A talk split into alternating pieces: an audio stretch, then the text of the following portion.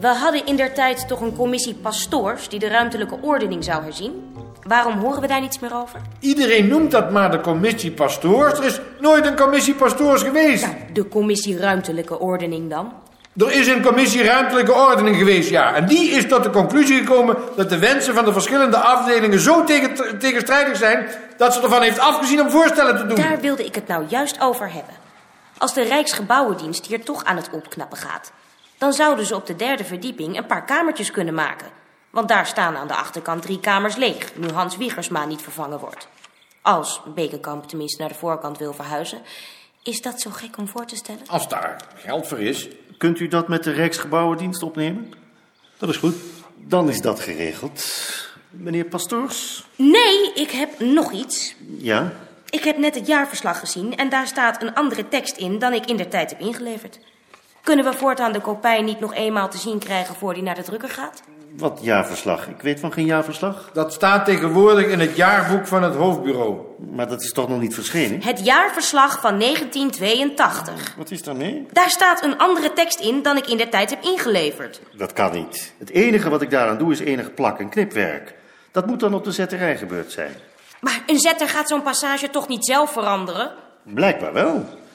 In ieder geval heeft het geen zin de kopij nog een keer rond te sturen. Wat op de zetterij gebeurt valt onder verantwoordelijkheid van het hoofdbureau.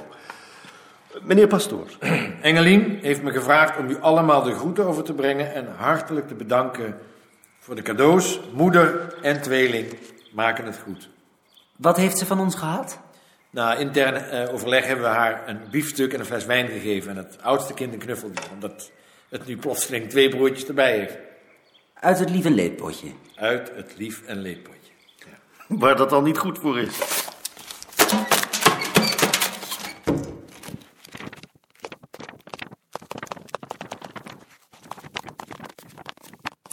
Jaarverslag 1982. Maar een zetter gaat zo'n passage toch niet zelf veranderen?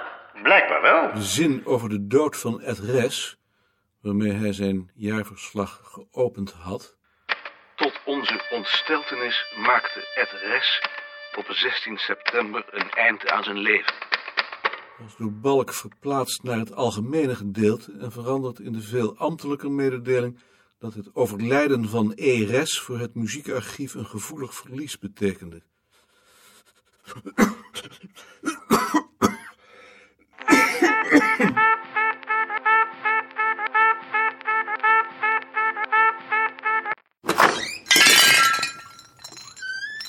Wilt u die rotzooi op het portaal meteen opruimen? Anders hebben we genoodzaakt u te verwijderen. Ja, het is hier misschien een beetje een rotzooi, maar mijn broer is gisteravond geweest en toen hebben we nogal zitten zuipen. Het was me niet opgevallen. Nee hoor, het gaat best. En dat dacht ik toch ook. Willen jullie misschien koffie? Graag. Oh, Roodje is dikker geworden. Ja.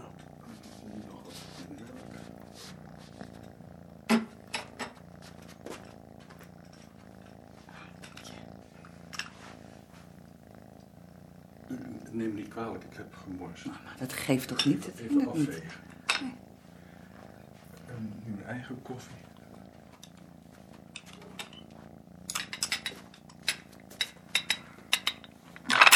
Oh, de koffie is erg lekker hoor. Ja. Oh, gelukkig. Zo moet het toch ook.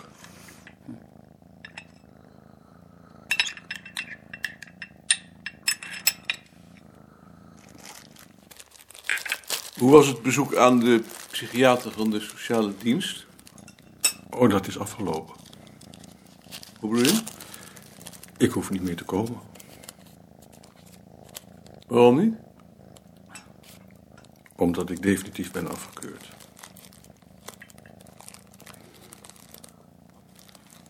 Wat gek. Ja, dat vond ik nou ook. Zomaar een half miljoen afgeschoven. En je hebt niet gevraagd waarom? Dat is mijn verantwoordelijkheid toch niet? Ik was er eigenlijk nogal ondaan van. Kom dan. Zwartje. Wat heeft hij zich gekrapt, hè? Ja, dat is van de vlooien. Ik, Ik weet ook niet wat ik daartegen moet doen. Nou, misschien is hij allergisch. Dat heeft Josephine ook.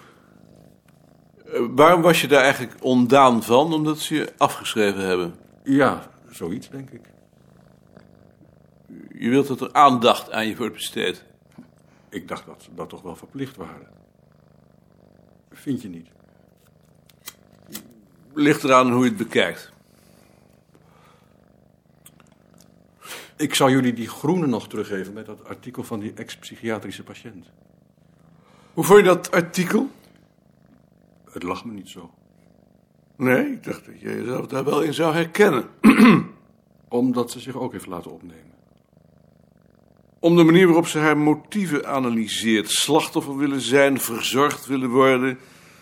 Misschien omdat ik die behoefte niet ken.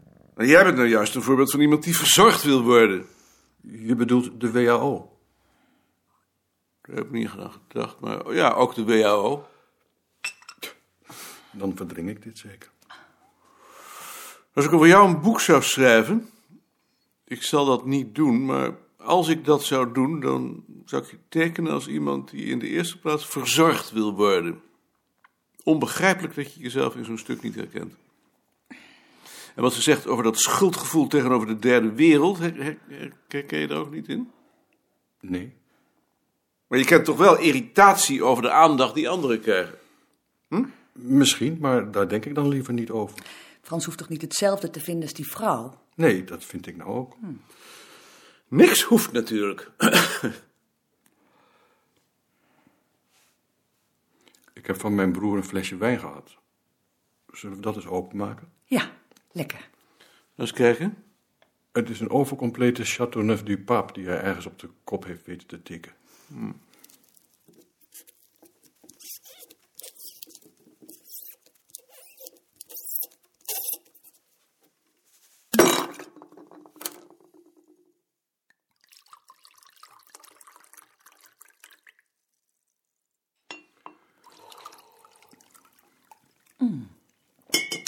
Lekker.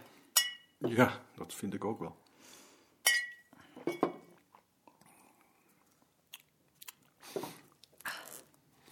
Wat was dat eigenlijk voor een psychiater? Hoe bedoel je? Aardig, niet aardig, menselijk, onmenselijk. Het was een vrouw. Verder eigenlijk niks. Maar dat het een vrouw was, kon je zien. Ja. Het is anders schandelijk zoals je daar behandeld wordt. Ze hebben niet eens een trap. Je moet met de lift naar de vijfde verdieping. Je zult toch maar kluisvrees hebben. Ik dacht dat ze een oud schoolgebouw achter de oude rij zaten. Nee, ze zitten nou in de Wieboudstraat. Als je uit het raam kijkt, zie je het belastingkantoor. Wat je hier krijgt, moet je daar weer brengen. Het is of ik je broer hoor. Ja, maar het is wel zo. Ze hebben nu ook alweer 30 gulden op mijn uitkering gekort. En mijn broer hebben ze nog erger gepakt. Omdat ze ontdekt hebben dat hij nog een huis heeft dat hij niet heeft opgegeven. En wat doet hij nu? Ja, nu zit hij in zijn huis in Frankrijk. Maar als hij terugkomt, gaat hij er werk van maken. Want hij pikt het natuurlijk niet. Als ze zo beginnen, pakken ze me straks mijn spaargeld ook nog af. Dat zou niet zo onredelijk zijn. In een socialistische maatschappij betalen de spaarders de lasten van de zwakken. Nou, zo zie ik het niet. En het is niet eens je eigen geld, want je hebt het op je uitkering gespaard. Dat is net als ambtenaren die klagen over de hoogte van de belastingen. Ja, dat heb je al eens meer gezegd. De enige die het recht heeft op de belastingen te kankeren, is de man die de derde wereld op eigen kracht bestolen heeft. En die daarvan dan wat af moet staan om de mensen die hun handen in onschuld wassen te onderhouden. Ja. Nee.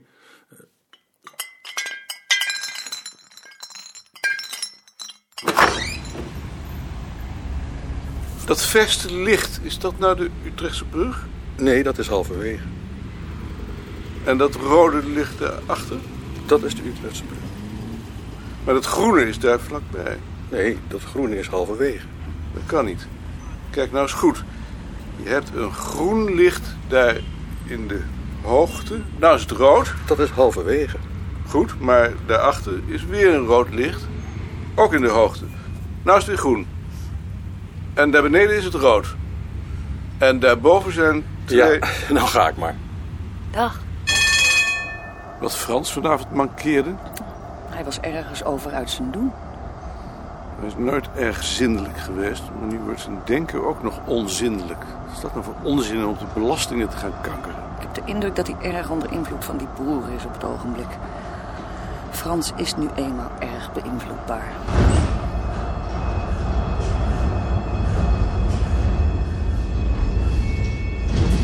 En dan die onzin dat hij niet de behoefte zou hebben om verzorgd te worden. Niet iedereen is zoals jij. Als jij nu altijd op jezelf zit te hakken, daarom hoeft een ander dat nog niet te doen. Dat is geen hakken, dat is gewoon de waarheid onder ogen zien. Als je dat niet meer doet, dan kun je jezelf er meteen opknopen.